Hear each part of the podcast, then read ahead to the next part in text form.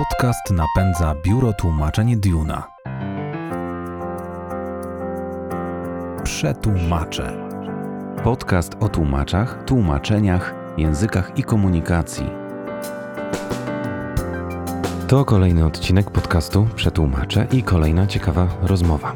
Nazywam się Kacper Wawrzak, a moim dzisiejszym gościem jest Jakub Droszcz, dyrektor Instytutu Dyplomacji Gospodarczej. Czym właściwie jest dyplomacja gospodarcza? Jak organizacja pozarządowa może realnie wpływać na strategiczne decyzje gospodarcze? Co musicie wiedzieć o projekcie Atomowa Dyplomacja? Zapraszam. Dzień dobry wszystkim, cześć wszystkim, nazywam się Jakub Droszcz, jestem dzisiaj gościem Duny, a obecnie jestem dyrektorem do spraw rozwoju w Fundacji Instytut Dyplomacji Gospodarczej. Piszę też doktorat w Szkole Doktorskiej Nauk Społecznych Uniwersytetu Warszawskiego. Specjalizuję się w stosunkach międzynarodowych, dyplomacji gospodarczej. Zawodowo zajmuję się zarządzaniem projektami, fundraisingiem oraz budową marki, brandingiem organizacji. Drogi Kubo, bardzo dziękuję, że e, mając tyle rzeczy na swoim talerzyku, że tak powiem, znalazłeś e, jeszcze miejsce dla nas, znalazłeś czas na, na rozmowę z podcastem Przetłumaczę. E, o, to, o co chcecie dzisiaj rozpytać? Jako Duna mieliśmy przyjemność współpracować z Instytutem Dyplomacji, Gospodarczej przy jednym z projektów. Dlatego o samym Instytucie chcielibyśmy się nieco dowiedzieć. Dyplomacja to rzecz tak mocno związana z językiem, że, że myślę, że e, nie jest dziwnym to, że dzisiaj rozmawiamy. Powiedz proszę, skąd wziął się Instytut Dyplomacji Gospodarczej? Kiedy w ogóle rozpoczął swoją działalność? Mm, fundacja powstała stosunkowo już dawno, bo, ponieważ nie jesteśmy tak młodym podmiotem, działa od 2015 roku. A inicjatywą a, założycieli Instytutu, inicjatywa wyszła od e, dość odległego kierunku, ponieważ rozpoczynali swoją współpracę, swoją działalność z, w Azerbejdżanie. Tam mieli bardzo dobry pomysł na promocję polskiej gospodarki, łączenie właśnie kultur, a i w pewnym momencie zorientowali się, że Azerbejdżan to trochę zbyt mało, trzeba wyjść poza, ten, poza tą sferę właśnie Kaukazu i pomyśleli o tworzeniu właśnie czegoś szerszego. Widzieli braki, czy, czy można to nazwać słabości, wyzwania stojące przed polską dyplomacją gospodarczą, przed instytucjami prowadzącymi polską dyplomację gospodarczą i stwierdzili, że potrzeba, potrzebny jest podmiot, potrzebny jest think tank, który będzie wspierał analizami, rekomendacjami, porównaniem nawet pisaniem strategii lub bezpośrednim wsparciem dla instytucji i przedsiębiorców, potrzebny jest taki podmiot. E, I w 2015 roku Instytut rozpoczął swoją działalność od przedstawienia publikacji takich białych, e, białej księgi dla polskiej dyplomacji gospodarczej. Moi koledzy z Instytutu prowadzili panel podczas jednego z, jednego z wydarzeń ekonomicznych, bodajże Forum Prawo dla Rozwoju w 2015 roku, i prowadzili panel z polskimi przedsiębiorcami na temat barier wyjścia z Polski i wejścia na rynki zagraniczne.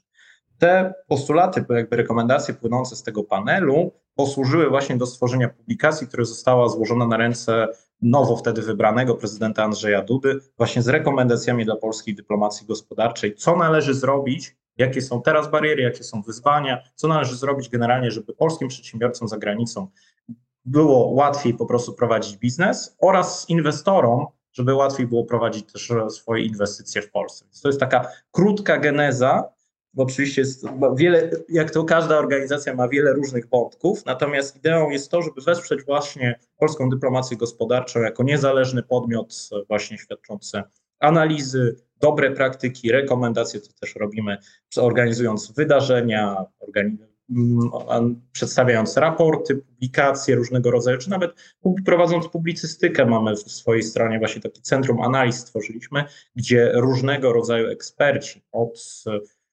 energetyki aż po właśnie finanse mm, przedstawiają swoje opinie, które mogą posłużyć jako pewnego rodzaju wytyczne dla polskich instytucji e, publicznych, ale także dla przedsiębiorców prywatnych. Zawsze kojarzyła mi się dyplomacja z czymś zupełnie nieosiągalnym dla nas, e, szarych ludzi, czymś tak, tak wysoko, gdzieś bardzo blisko polityki. E, tutaj mam wrażenie, że zbliżamy się troszkę do, do ludzi. Jak e, możemy dotknąć dyplomacji gospodarczej? Czy właśnie takiej, taka instytucja jak, jak Instytut Dyplomacji Gospodarczej, poprzez chociażby swoje działania publicystyczne przybliża nam nieco te sfery, które wydają się tak odległe dla laika, powiedzmy. Czyli troszeczkę odczarujmy taką dyplomację, prawda? Mhm. Mm, dyplomacja rzeczywiście, jak i cała polityka, wydawać się może, że jest odległa od nas, ale dotyka jednak każdego z nas na co dzień.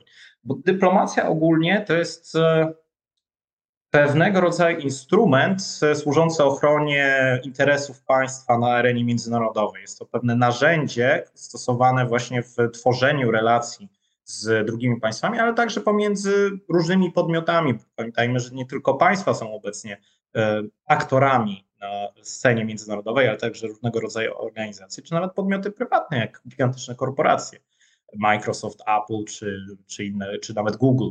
Tak? Czy ostatnio sławny Tesla, który dostarcza tak. Starlinki e, wspierające Ukrainę w wojnie z Rosją. Więc dyplomacja dotyka nas wszystkich na co dzień. My staramy się w Instytucie rzeczywiście przybliżyć pewne aspekty i skupiamy się właśnie na tej dyplomacji gospodarczej, która jest pewnym wycinkiem troszeczkę szeroko rozumianej dyplomacji, ponieważ skupiamy się na relacjach biznesowych. Uważam, w naszym instytucie wyszliśmy z założenia, że handel, biznes i gospodarka to jest coś, co zbliża różne kultury, różne, różnych właśnie tych aktorów międzynarodowych. Mamy w tym bardzo dobre wzorce, ponieważ od starożytności już handel miał bardzo duże znaczenie dla rozwoju społeczeństw, czy nawet tworzenia się pierwszych, pierwszych instytucji państwowych. Wszyscy, myślę, że dużo osób e, zna historię Jedwabnego Szlaku, czy handlu bursztynem na terenach dawnego Imperium Rzymskiego i obecnych terenów Polski. Także ten handel odgrywa bardzo ważną rolę w historii społeczeństwa, w historii świata. I my skupiamy się właśnie na tym, żeby ten handel promować. E, handel, porozumienia gospodarcze, porozumienia biznesowe, ponieważ właśnie to jest coś, co w naszym właśnie w naszym wczuciu e, zbliża najmocniej. Oprócz kultury, która jest taką drugą siłą, nie wiem czy nawet e, czy na równi, czy trochę wyżej, tutaj można się sprzeczać. Natomiast jeśli chodzi właśnie o językowe znaczenie dyplomacji i dyplomacji gospodarczej, bo to też myślę dla mhm. słuchaczy podcastu może być ciekawe, ten, dyplomacja w literaturze i generalnie właśnie w takich publikacjach naukowych doczekała się kilku definicji. Natomiast jeśli chodzi o dyplomację gospodarczą, to tutaj jest pewien problem, e, ponieważ e, ta dyplomacja gospodarcza ma wiele zamienników. Mamy na przykład dyplomację handlową, dyplomację ekonomiczną, właśnie dyplomację gospodarczą. Niektórzy nawet, e, jak kiedyś właśnie robiłem research na ten temat, używają terminu dyplomacja komercyjna, commercial diplomacy, czyli właśnie mm, ma też różne aspekty, natomiast w dużym skrócie dyplomacja gospodarcza to wykorzystanie właśnie klasycznych instrumentów dyplomacji przez instytucje publiczne w celu ochrony interesów gospodarczych tak państwa, jak i przedsiębiorców. Właśnie, czyli to jest pewnego rodzaju promocja na arenie międzynarodowej, to jest konkretne działania, na przykład znalezienie partnera zagranicznego, przyciągnięcie jakiegoś nowego inwestora, zachęty inwestycyjne, czy nawet wsparcie materialne, ponieważ polskie instytucje publiczne też wspierają materialnie, czy to poprzez różnego rodzaju subwencje, granty, dotacje polskich przedsiębiorców w ich ekspansji zagranicznej. Natomiast właśnie ten termin dyplomacja gospodarcza nie jest jeszcze do końca jednoznaczny. Nawet jest taka fajna publikacja Leksykon Dyplomacji Gospodarczej. Jest tam to obszernie opisane, natomiast e, jak się właśnie zejdzie trochę głębiej, no to z tą dyplomacją gospodarczą mamy jeszcze trochę problemu, ponieważ jest to dość nowy wycinek e, tej tradycyjnej dyplomacji, e, używany tak naprawdę od kilkudziesięciu lat, bo pojawił się wcześniej, były oczywiście te instrumenty wykorzystywane, Natomiast sama definicja właśnie jest dość nowa i wiąże się też z polityką handlową e, Stanów Zjednoczonych, mhm. które to właśnie w sposób taki instytucjonalny, głównie w latach 90., powiązały prowadzenie polityki zagranicznej z prowadzeniem polityki gospodarczej. Chyba administracja e, Clintona właśnie pierwszy raz e, zastosowała te mechanizmy, czyli każdy ruch w polityce zagranicznej powinien też przynieść zyski po stronie gospodarki Stanów Zjednoczonych i rzeczywiście ta polityka wchodzenia produktów amerykańskich, wchodzenia przedsiębiorców amerykańskich na nowe rynki była ściśle powiązana z prowadzeniem polityki zagranicznej przez Stany Zjednoczone. Więc termin jest dość nowy, natomiast mechanizmy są znane od nie, nie, nie, nie tyle setek, co nawet już tysięcy lat. To jest mhm. cały czas wykorzystywanie tych samych mechanizmów klasycznych dla dyplomacji, czyli właśnie negocjacje, używanie odpowiednich terminów, networking bardzo istotny w każdej, każdym rodzaju dyplomacji, czy nawet po prostu pokazywanie, organizowanie wizyt studyjnych, organizowanie misji handlowych. To wszystko jest e, ściśle powiązane właśnie z dyplomacją gospodarczą i było stosowane od wielu wieków, nadal będzie stosowane, bo są najprostsze, najbardziej chwytliwe metody.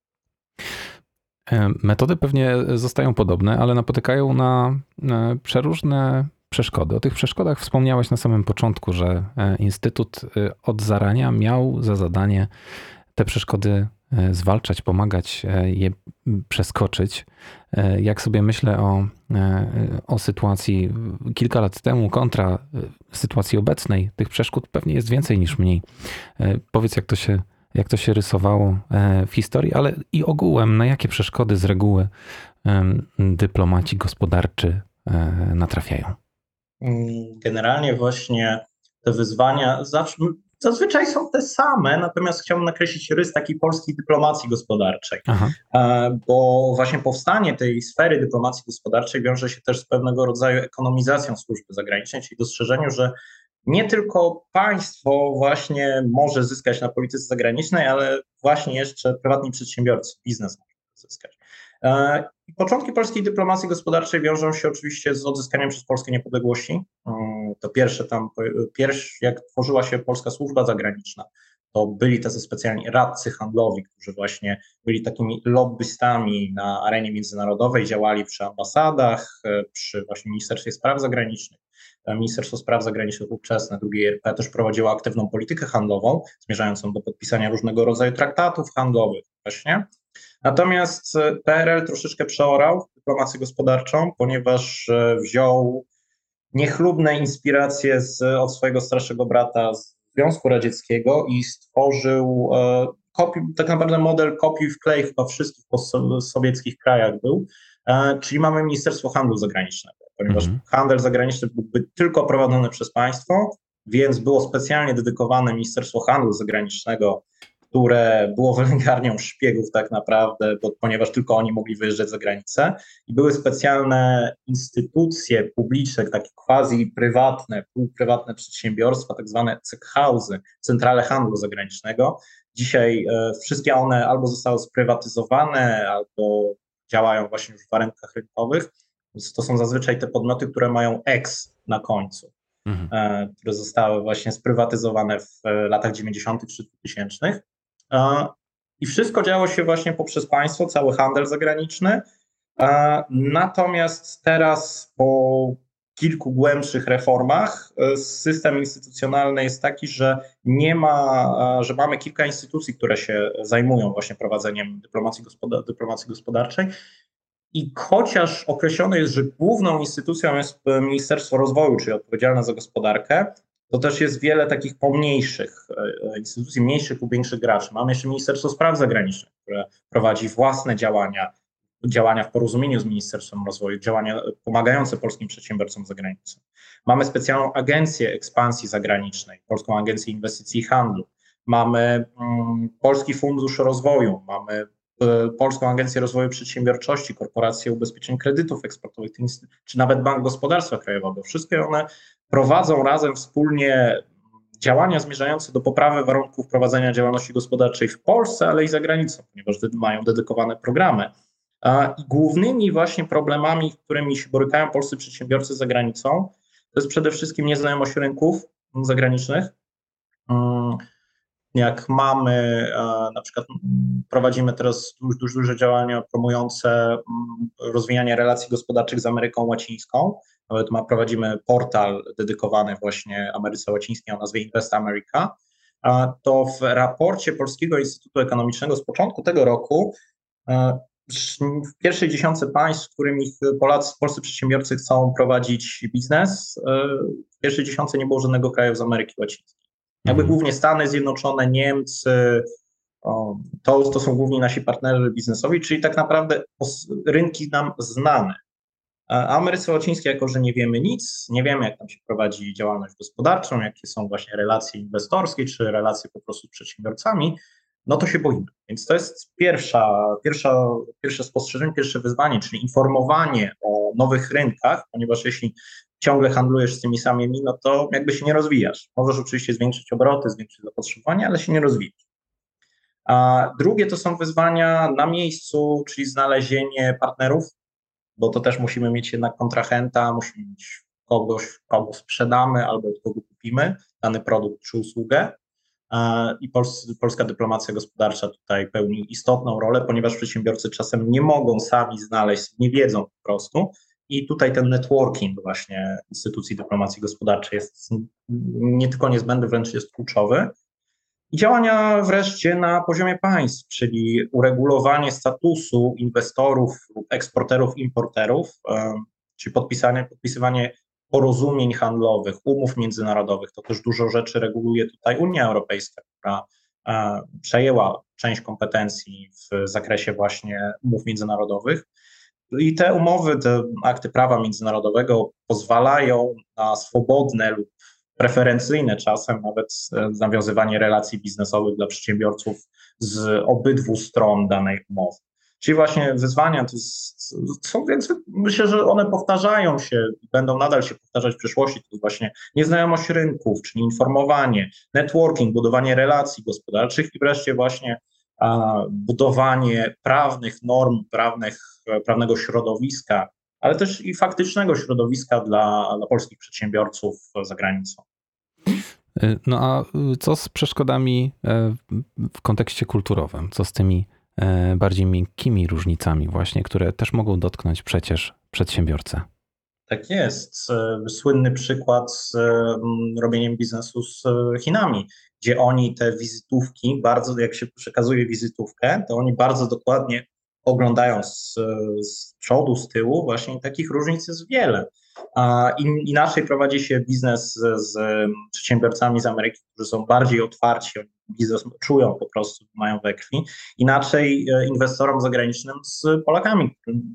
Raczej ostrożnie, zobaczmy, co się stanie. Raczej u nas no, ta kultura biznesowa jest, stoi na ostrożnie i mam, też mam problem z tym, ponieważ nie mamy kapitału dla inwestycji, więc naturalnie jesteśmy ostrożniejsi w e, budowaniu tych relacji inwestorskich, tej kultury biznesowej, czy właśnie relacji biznesowych. Inaczej się zupełnie z Niemcami negocjuje, inaczej właśnie z wspomnianymi e, Azjatami, inaczej kiedyś z biznesem rosyjskim, bo oni też mają bardzo specyficzną kulturę biznesową, a zupełnie inaczej też z Latynoamerykanami mm, czy, czy z, z krajach afrykańskich. Te, te różnice kulturowe są widoczne, natomiast ten handel jest na tyle już międzynarodowy, że pewne standardy kultury, właśnie jak posiadanie wizytówek, przychodzenie na negocjacje biznesowe, posiadanie nawet tłumaczy, co jest teraz standardem. Jeśli ktoś nie potrafi właśnie spokojnie po angielsku porozmawiać, bo zazwyczaj to jest język angielski, to przychodzi z tłumaczem. Jeśli ktoś nawet zna ten język e, partnera biznesowego, czy to będzie niemiecki, czy francuski, czy e, ukraiński, czy, czy jakikolwiek inny język, to i tak przychodzi z tłumaczem, żeby mieć pewność, że Mm, jego słowa zostały dobrze odebrane i został właściwie zrozumiany, tak żeby właśnie to wszystko było dogadane. Mm, więc e, właśnie te standardy kultury biznesowej są już na tyle międzynarodowe, że mm, to się wszystko zbliża. Właśnie ten handel wspomniany na początku, dlaczego dyplomacja gospodarcza? Ponieważ handel zbliża różne kultury, wypracowuje mhm. pewne modele, pewne standardy, pewne praktyki, które są e, wdrażane i które są jakby stosowane przez wszystkich graczy biznesowych. Chciałbym, żebyśmy e, pomówili trochę o e, projektach, jakie najbardziej zawracają głowę Instytutowi Dyplomacji Gospodarczej. Wiem, że jednym z nich jest mocno na świeżo, bo e, przedwczoraj odbyła się jedna z konferencji dotyczących projektu Atomowa Dyplomacja.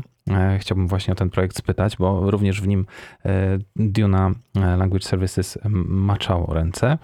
Mhm. Atomowa dyplomacja jest dość świeżym projektem, ponieważ realizuje, znaczy pomysł narodził się jeszcze w zeszłym roku. E, koordynator projektu Maksymilian Semeniuk e, zgłosił się do nas, do Instytutu. To też pokazanie fajne, jak mam, no, w pewnym sensie pokazanie, jak fajną, otwartą kulturę e, organizacyjną mamy u nas w Instytucie, ponieważ Max zgłosił się do nas z pomysłem, mm, że chce zrealizować właśnie, jak połączyć, że on jest wielkim zwolennikiem energii atomowej właśnie Jak można to połączyć z naszym instytutem? I przyznam, siedzieliśmy nad tym, mówiliśmy się, mówimy atomowa dyplomacja, czyli pokazanie, jak państwa posiadające silny przemysł atomowy działają na arenie międzynarodowej w ekspansji zagranicznej swojego przemysłu. E, takich graczy jest całkiem sporo. Mamy Stany Zjednoczone ze swoim Westinghouse'em, mamy Francję z EDF-em, Koreę, które wszyscy ci walczą o budowę pierwszej polskiej elektrowni atomowej, ale mamy też Chiny, Rosję, Szwecję, które też bardzo intensywnie e, chcą, promują swój przemysł atomowy, swoje korporacje i firmy, które e, uczestniczą właśnie w budowie za granicą mm, elektrowni atomowych. I atomowa dyplomacja polega na pokazaniu tych praktyk i pokazaniu, jak atom może być narzędziem, energia atomowa właśnie może być narzędziem w dyplomacji czego efektem chociażby jest e, polityka Węgier ostatnia, która odcina się od Unii Europejskiej troszeczkę, od e, tego wypracowanego modelu, gdzie oni e, nie zawiesili na przykład budowy elektrowni atomowej przez rosyjskie firmy. A Finlandia na przykład zawiesiła wspólny projekt budowy elektrowni atomowej z rosyjską firmą. No u nas mamy właśnie to wyzwanie, kogo teraz wybrać, jakiego jakiego operatora czy inwestora, który zbuduje nam pierwszą polską elektrownię atomową. Celem projektu jest właśnie pokazanie te, te praktyki, żebyśmy byli też świadomi, jak państwa działają, jak bardzo to na szeroką skalę zakrojona działalność państw jest prowadzona w Polsce właśnie, bo to jest od lobbingu aż przez jakieś działania formalne, nieformalne, a, mm, czy nawet pokazanie pra- pewnych rodzajów modeli strategii właśnie w tej działalności, atomowej, działalności atomowej. I pierwsza konferencja odbyła się właśnie we wtorek, 18 października. Mieliśmy cztery panele dyskusyjne, generalnie o polskiej energetyce, o atomie, obecnych ofertach atomowych i zyskach, czyli troszeczkę omówiliśmy kompleksowo przeszłość, teraźniejszość wraz z ofertami oraz y, troszeczkę spojrzeliśmy w, w którą stronę to może pójść, jak mogą, jakie mogą być zyski. E, natomiast jesteśmy dopiero w połowie projektu. Już teraz chciałbym zaprosić na 8 e, listopada do Szkoły Głównej Handlowej w Warszawie, gdzie będzie prezentacja raportu autorstwa doktora Aleksandra Olecha i Natalii Matiaszczyk e, Pochylili się oni właśnie nad kompleksowym opisaniem zagadnienia atomowej dyplomacji i Duna będzie miała tutaj właśnie, to jest ten wspomniany słynny udział Duny właśnie w tym, tej publikacji, ponieważ e, Duna właśnie wykona tutaj tłumaczenie na język angielski, ponieważ chcemy dotrzeć do jak najszerszego grona odbiorców, bo uważamy, że mm, temat jest na tyle szeroki, na tyle e, może zainteresować też inne kraje, żeby zobaczyć właśnie, jak to wygląda, że słuchajcie, że to nie jest tak, że ktoś się zgłasza, tylko inwestor się zgłasza i robimy elektrownię atomową, tylko to są na szeroką skalę zakrojone działania państwowe, korporacyjne, wielu graczy w tym uczestniczy i warto mieć tą wiedzę, mm, żeby, mm, żeby później nie wyjść, nie wyjść jak na Zabłocki na mydle po prostu, bo związanie się z jednym e, inwestorem to jest związanie się często na pokolenia co też mieliśmy okazję dowiedzieć się podczas pierwszej konferencji, jak na przykład w Brazylii e, jedną elektrownię atomową budowało kilku wykonawców i dopiero chyba po 50 latach ją kończono. Więc jakby mm. ciekawe strasznie. Scenariusze są pewnie różne, ale ja sobie to wyobrażam tak, że te e, działania lobbystyczne, te działania e, stricte biznesowe odnośnie stworzenia takiej elektrowni atomowej trwają długo, to jest wiele e, różnych działań, wiele aktywności. One gdzieś już się dzieją, gdzieś już się podziały pewne sprawy i gdzie w tym wszystkim jest Instytut Dyplomacji Gospodarczej, który nagle tutaj zaczyna tworzyć swoje analizy, zaczyna się wtrącać w temat. Czy jest jakaś sprawczość Instytutu, czy, czy będzie jakiś faktycznie wpływ, realna korzyść tych, tych waszych mhm. działań?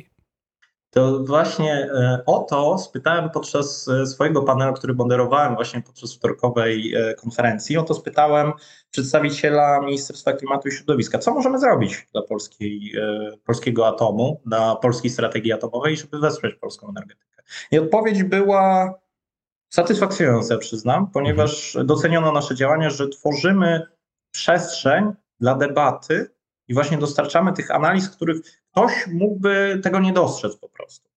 E, uczestnikiem panelu Zyski polskiej energetyki jądrowej był pan Łukasz Sawicki, który stworzył model biznesowy dla e, energetyki jądrowej w Polsce. I właśnie to on, to on powiedział, że właśnie rola think tanków takich jak nasze jest to, żeby właśnie dostarczać tej przestrzeni, debatować, udzielać głosu ekspertom, którzy nie mogliby mieć tej przestrzeni, bo nie mają, ich głos mógłby nie zostać wysłuchany. Tymczasem właśnie dzięki takim działaniom, jak nasza konferencja czy nasza publikacja, dotrzemy z tym tematem do ogromu ludzi i możemy wytworzyć przestrzeń i nawet wpłynąć na to, żeby pokazać, o kurczę, tak działają ci, tak działają ci, może trzeba się zastanowić, jak do tego podejść. Że jeśli opiszemy te praktyki, opiszemy te właśnie te sposoby, strategie, no to ktoś się nad tym zastanowi, ktoś się nad tym pochyli. Mamy bardzo dużo przykładów właśnie, gdzie think tanki wpływają na, na, na sferę publiczną, bo taka jest ich rola. Może też opiszę troszeczkę właśnie, czym są think tanki, mhm. E, bo to też może być ciekawe. W Polsce chyba nie mamy odpowiednika słowa think tank. Jest to oczywiście z, z języka angielskiego, ale to też pokazuje, jak bardzo język angielski przenika do, do, naszego, do naszego świata. E, think tank jest organizacją, która właśnie dostarcza analiz, e, opinii, rekomendacji decydentom i instytucjom publicznym, tak żeby wpłynąć po prostu na e, poprawę właśnie jakości funkcjonowania instytucji, czy na jakieś inne kwestie publiczne. I właśnie my fundację, na naszą fundację, nasz Instytut Dyplomacji Gospodarczej postrzegamy właśnie jako think tank, który dostarcza tych informacji, właśnie kreuje tą przestrzeń, która normalnie mogłaby być sprowadzona tylko i wyłącznie do pokoju czy gabinetu ministerialnego, czy dyrekcji w, jakiej, w jakiejś instytucji publicznej. My tymczasem właśnie pukamy do tych drzwi i wyprowadzamy troszeczkę instytucje publiczne, chodźcie z nami pogadać. E, mamy też swoje opinie na ten temat, mamy ekspertów po naszej stronie, Dlaczego nie spotkać się? Dlaczego nie przedstawić właśnie naszego punktu widzenia? I rzeczywiście to działa. Jakby ta praca jest doceniana. Polski rynek think tanków też dopiero się rozwija, e, natomiast e, jest on bardzo prężny i dzięki temu możemy właśnie jako organizacje pozarządowe, w ogóle to też jest ciekawy termin anglojęzyczny, e, Rozmawiałem na ten temat właśnie podczas konferencji z przedstawicielem, z panem dyrektorem z Narodowego Instytutu Wolności, że nie mamy w Polsce, jak mamy organizacje pozarządowe, to jest z angielskiego non-governmental e, organization, NGOs. Tak. I to nie do końca znowu oddaje sens, bo my jesteśmy nierządowymi organizacjami, czyli wszystko to jest co poza rządem, a pozarządowe no to tak nie do końca oddaje sens właśnie tego, tego słowa, które wywodzi się z języka angielskiego. Troszeczkę właśnie, to jest zadanie, myślę, że dla Was też troszeczkę, żeby wykuć nowy termin, który już się przyjął wprawdzie w Polsce, ale nie do końca oddaje sens, czym jest właśnie ten non-governmental sector. To też się myślę. Być może stworzycie też definicję, znaczy polskie, jakieś polskie znaczenie, polski termin słowa think tank. Myślę, że do rozważenia to diu. Bardzo ciekawy pomysł. Myślę, że e, znajdą się chętni, żeby się pochylić nad tym. Z reguły działamy kreatywnie, chętnie. Wracając jeszcze do tego właśnie, że eksperci współpracują e, z rządzącymi, to jest wymarzona sytuacja. Mam nadzieję, że, że ta współpraca będzie, będzie kwitła i że jej efekty będą widoczne. To jest część misji Instytutu Dyplomacji Gospodarczej, właśnie służenie E, swoją wiedzą ekspercką, organizowanie tej wiedzy e, w, w, taką, która będzie przydatna, pomocna projektom krajowym, ale również w tej misji znajduje się miejsce na promocję polskiej gospodarki. To taki zwrot, który też kojarzy mi się mocno raczej z zadaniem dla polityków, dla ministerstw. A tu proszę, można promować polską gospodarkę, będąc NGO-sem. Jak się to robi? To po pierwsze, a po drugie, co takiego my Polacy możemy wypromować? Co obecnie promuje się, jeżeli chodzi o e, warstwę gospodarczą e, za granicą? Generalnie mm, promocja mi się też troszeczkę tak inaczej kojarzy. Jakby ja bym to nazwał może tak budowanie pozytywnego wizerunku. Promocja to jakbyśmy mieli określony produkt, a państwo Aha. przecież nie jest, albo gospodarka nie jest produktem, tylko że brakuje właśnie tego nazewnictwa, bo budowanie wizerunku to nie jest też do końca to, ale chyba bliżej tego, czym się zajmujemy. Ale promocja też jest jak najbardziej, myślę, że można pójść w tym kierunku. Jeśli chodzi właśnie, jak my możemy to robić, no to mm, opowiem może na przykładach, konkretne przykłady Pewnie. właśnie w ramach naszego instytutu. Prowadzimy oprócz atomowej dyplomacji jeszcze kilka innych projektów. Jednym z nich jest Arts, Business and Diplomacy, gdzie pokazujemy styk trzech światów: kultury, biznesu i dyplomacji. I w ramach tego działania inicjujemy właśnie um, jakieś wydarzenia, artykuły, raporty, które pokazują, jak te trzy sfery mogą ze sobą współpracować. I naszym partnerem jest Fundacja Jazz po polsku, którego zadaniem, fundacji zadaniem jest promocja polskiej kultury jazzowej, polskiej muzyki jazzowej za granicą. E, I razem z nimi organizujemy cykl koncertów e, w Warszawie, które są nagrywane i będą streamowane w Chinach i Korei. E, także jest to pewien sposób właśnie, bo to, to okazało się, jak fundacja rozpoczęła swoją działalność, że w Chinach i Korei jest bardzo duży popyt na polski jazz, który mamy niesamowity. Sam projekt Jazz po polsku Live Sessions for China and Korea to jest 25 koncertów w Warszawie, które odbywają się co tydzień w niedzielę w klubie bardzo, bardzo albo Jasmine i przyciągają naprawdę polski jazz, jak ja właśnie troszeczkę wszedłem w, głębiej w, w ten temat, jest bardzo prężny. Mamy wysokiej klasy zespoły jazzowe, które są chętnie słuchane przez, to już nie jest wielotysięczna społeczność, to wielomilionowa społeczność. I to są właśnie rzeczy, które myślę warto promować, takie trochę nieoczywiste. Właśnie jazz, jak się myśli, no to taka, okej, okay, jest sobie, jest sobie rodzaj muzyki, a tymczasem może być naszym flagowym, że tak powiem, usługą, jakby produktem eksportowym, dzięki któremu właśnie Chiny, Korea, kraje azjatyckie, ale też kraje na całym świecie mogą poznać, zadać sobie pytanie, o kurczę, z Polski, gdzie jest ta Polska? E, fajny zespół był. E, super by było to zobaczyć, dowiedzieć się coś więcej właśnie na ten temat. Idealna sytuacja, jeżeli, jeżeli jazzem się, się promujemy za granicą. Przychodzi mi do głowy kilka innych gatunków muzycznych, które też wypływają, wylewają się z naszego kraju, ale oby, oby to był jak najczęściej jazz właśnie. Mhm. I jakie jeszcze e, inne przykłady możemy tutaj podać? Mhm. A dobrym przykładem polskiej dyplomacji gospodarczej, z którego możemy być dumni, to troszeczkę na odwrót pokażemy, czyli jak przyciągamy my do Polski. Jest Poland Business Harbor, uruchomiony po wydarzeniach na Białorusi w sierpniu 2020, czyli sfałszowanych e, wyborów prezydenckich, e, gdzie polska dyplomacja gospodarcza, instytucje tworzące właśnie ten program, jest ich kilka, padły na pomysł, że kurczę, były takie protesty, ludzie uciekają za granicę, a ludzie z Białorusi to są najczęściej wykwalifikowani specjaliści z IT, z różnych rodzajów innych sektorów gospodarki, trzeba by to jakoś wykorzystać, bo inaczej uciekną. Jakby uciekną z Białorusi, w Polsce sobie chwilę pobędą i pojadą dalej. Zazwyczaj tak jest. Musimy coś zrobić, żeby ich zatrzymać.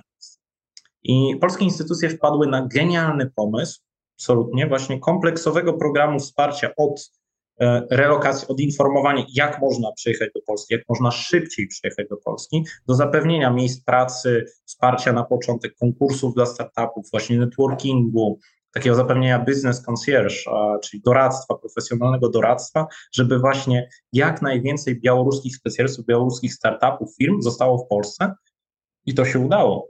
I teraz ten program e, nie tylko właśnie został, nadal jest kontynuowany, nadal przyciągamy właśnie białoruskich przedsiębiorców do Polski, ale nawet został rozszerzony na inne kraje właśnie na naszą wschodnią granicą od Ukrainy przez e, Gruzję, Armenię, Azerbejdżan, e, Ukrainę właśnie czy, czy, i Rosję. Więc jakby to pokazuje, że jesteśmy w stanie stworzyć wizerunek właśnie kraju Polski jako kraj atrakcyjnego, jako miejsce pracy. I ci Białorusini rzeczywiście tutaj zostają, ci właśnie e, tych specjaliści, którzy, których ściągamy, oni tu zostają, otwierają firmy nowe, właśnie zapewniają miejsca pracy, jako Instytut współpracujemy chociażby z, z, e, fundacją e, wspierającą otwieranie właśnie białoruskiego biznesu w Polsce. Fundacja nazywa się ABA, Association of Belarusian Business Abroad.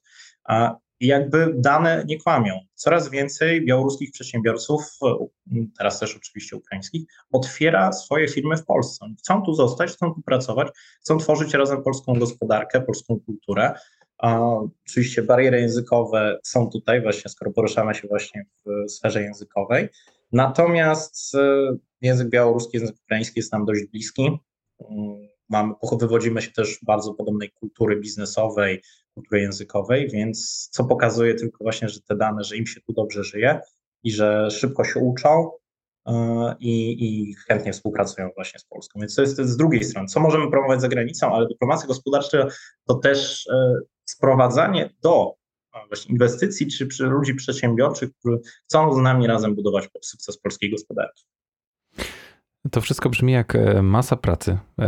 E, potrzebne jest pewnie mnóstwo rąk do pracy. E, I tak mój wniosek po wizycie na stronie Instytutu jest taki, może, może się mylę, ale mam wrażenie, że to jest grupa bardzo młodych ludzi. Z młodością kojarzy się też oczywiście energia.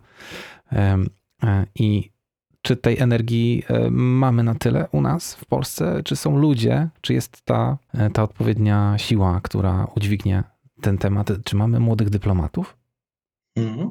To może powiem tak, że my w instytucie, e, każdy z nas ma swoją jakąś pracę stałą i wszystko to, co robimy w instytucie, robimy zazwyczaj pro publico bono albo w ramach jakiejś dodatkowej pracy po prostu, bo uważamy, że po prostu to jest potrzebne, ale nikt z nas nie zajmuje się tym od początku od A do Z 24 godziny na dobę, a po prostu uważamy, że te, ten instytut jest warty tego, żeby go rozwijać i ta dyplomacja gospodarcza jest warta, żeby ją samą rozwijać.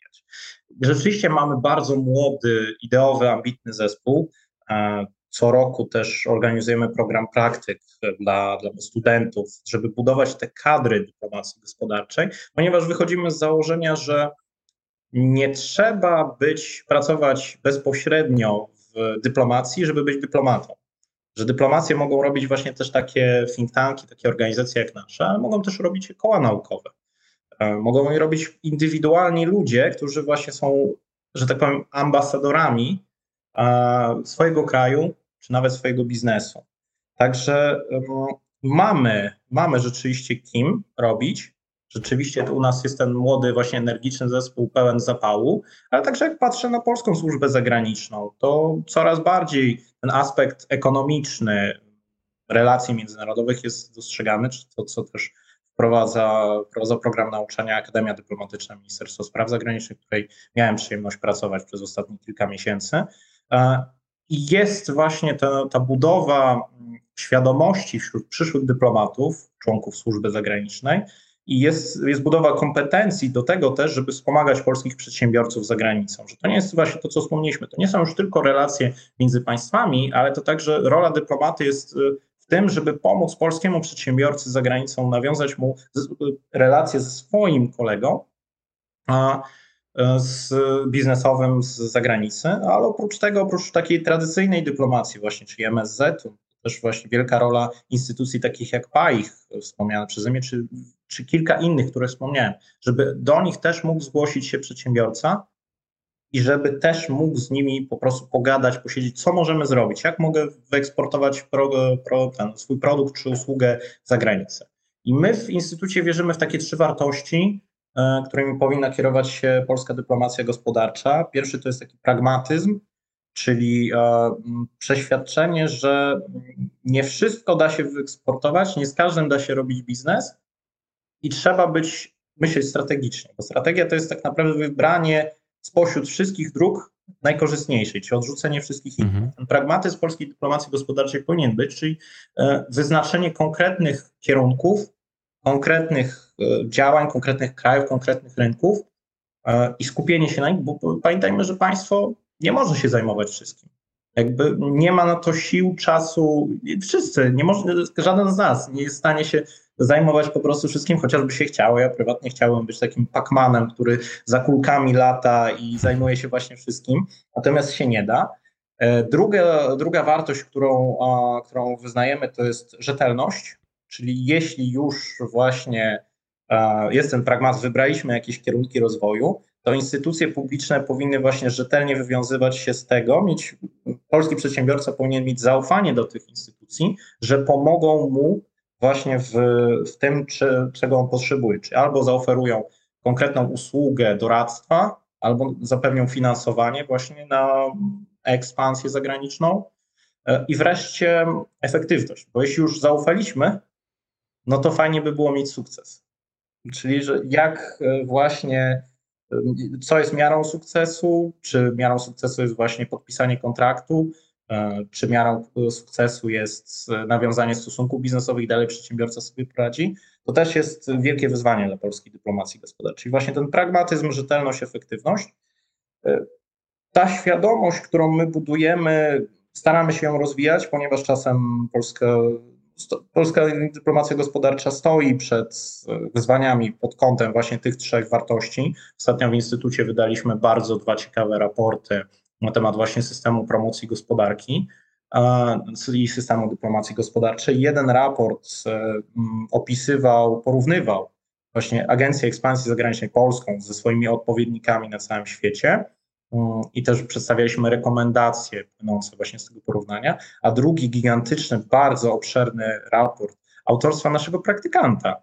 E, poprosili właśnie, stwierdziliśmy, że warto wykorzystać jego wiedzę, umiejętności do tego, żeby to, żeby zrobił raport e, porównujący e, postulaty płynące z takiej gigantycznej strategii odpowiedzialnego rozwoju, którą przedstawił ówczesny wicepremier Mateusz Morawiecki w 2016 roku, jakie były postulaty i co zostało zrealizowane do tej pory w kontekście właśnie systemu promocji gospodarki.